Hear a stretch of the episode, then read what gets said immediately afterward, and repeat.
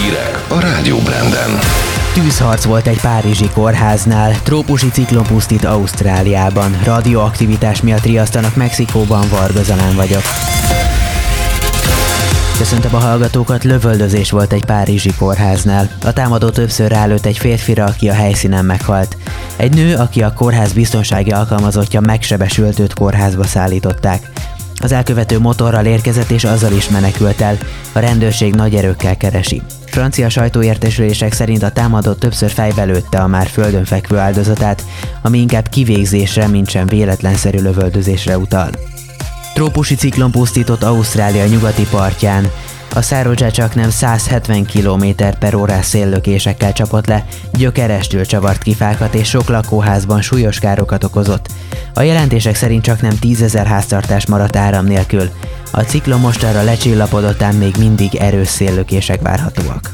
Több mexikói államra adta ki riasztást, miután elraboltak egy veszélyes radioaktív anyagot szállító járművet. A hatóságok közleménye szerint egy ipari röntgen berendezést loptak el a szállító kis teherautóval együtt. A műszer mint egy 25 kilónyi erősen sugárzó iridiumot tartalmaz. Ünnepi hangulat volt a brit nagyvárosokban, tegnap éjfélkor ugyanis újra kinyithattak a pábok és az éttermek teraszai. Náluk ez az enyhítés második szakasza. A szabadidőparkok és például az állatkertek is működhetnek, de a szolgáltatóiparban is már feloldották az árlatot.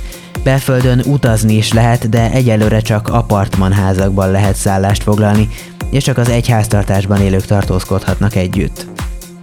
Akár június közepeig zárlat alá kerülhet Németország, az egyik berlini lap hírportája a német kancellária minisztert idézi, aki a tartományi kormányok képviselőivel folytatott vasárnapi egyeztetéssel legkorábban 6-8 hét múlvára becsülte a járvány enyhülését.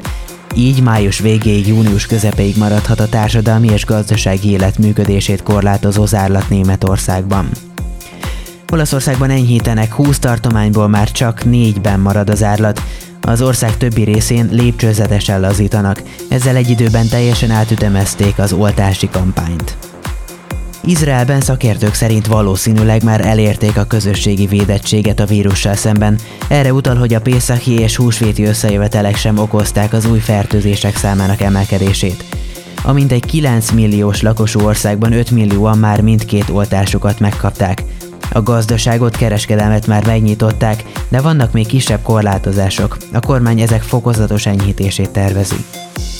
Zsiráfokat menekítettek ki egy süllyedő szigetről Kenyában. A ritka Rothschild zsiráf 9 példányát hozták ki hajón, a Baringó tóban található egyik szigetről, amelynek területe vészesen csökken a vízszín gyors emelkedése miatt, amelynek okát egyelőre nem tudják.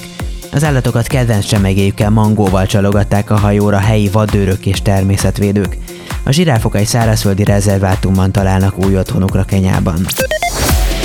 Időjárás. Svédországtól Közép-Európán át az ibériai félszigetig hullámzó frontrendszer húzódik, amely kettészeli Európát. Ennek mentén sok helyen kiadós mennyiségű eső esett, az Alpokban havazott is. A front mögött hideg légtömeg árasztotta el a kontinens észak-nyugati nyugati tájait. A front előtt nagy területen viszonylag meleg az idő, csapadék is csak kevés helyen fordul elő.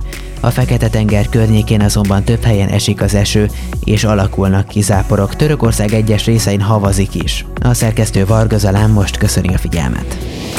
Híreket hallottál. Itt a Rádió.